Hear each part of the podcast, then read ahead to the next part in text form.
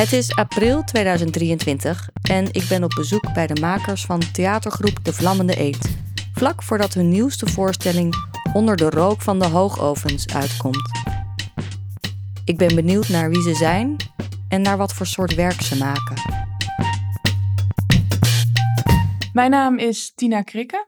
Ik ben ehm, de ene maker van de Vlammende Eend. En mijn collega. Ik ben Alain Koetlaar. En ehm, Tina en ik hebben samen de Vlammende Eend opgericht een paar jaar geleden.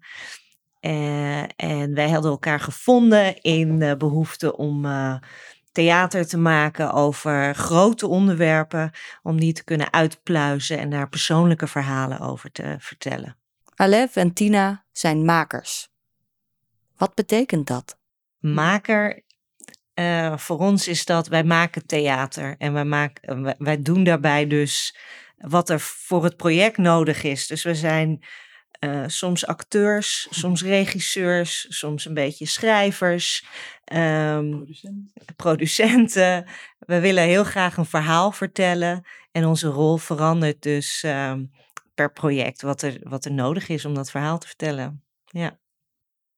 Wat heeft de Vlammende Eend eerder gemaakt? Wij hebben in 2021, zeg ik dat goed, was het alweer 2020, de voorstelling Een botsing met het verleden gemaakt naar het boek van schrijver Gaia Polak, de man die geen hekel had aan Joden. Deze voorstelling was um, uh, onze eerste voorstelling samen, die wij samen hebben gemaakt. En dat ging over uh, de term nivelleren. Dus dat betekent um, het vergoeilijken en op één stapel gooien van uh, daders en slachtoffers. En eigenlijk hoe praten we daarover? En hoe praten we over daderschap en over slachtofferschap? Uh, en hoe zorgen we ervoor dat dat geen grijs gebied wordt?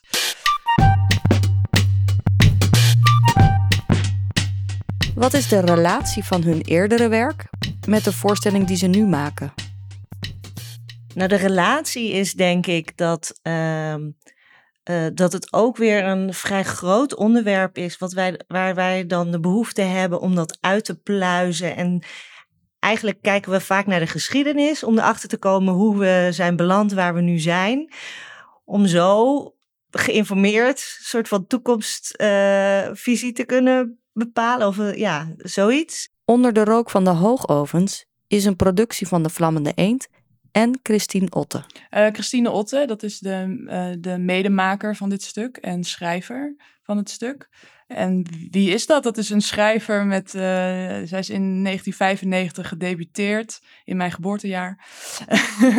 het laatste dicht ooit genomineerd voor de Libris Literatuurprijs. En zij is ruime tijd geleden uh, ook eigenlijk op een natuurlijke wijze theatermaakster, tekstschrijver voor theater geworden. Onder de rook van de hoogovens heeft als ondertitel Een onstuimig familiedrama. Het gaat over verschillende generaties wier levens vervlochten zijn met de fabriek. De gezinsleden vertegenwoordigen de verschillende perspectieven uit het debat rondom Tata Steel. De thematiek van tegenover elkaar staan in het maatschappelijk debat is heel actueel.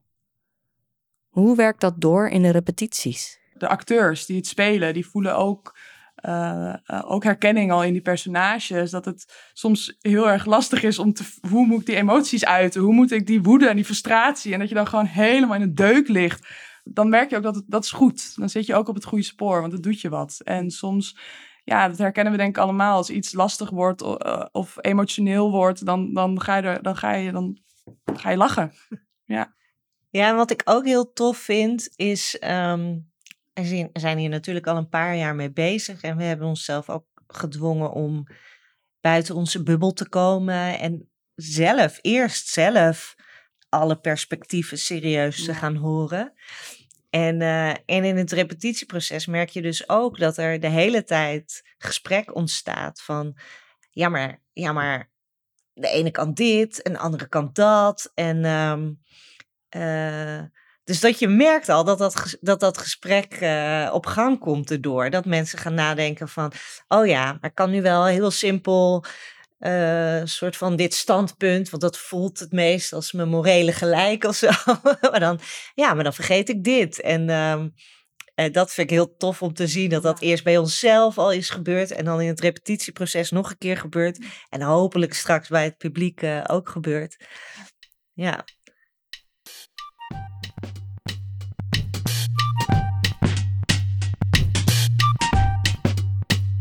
Wil je meer weten over de voorstelling?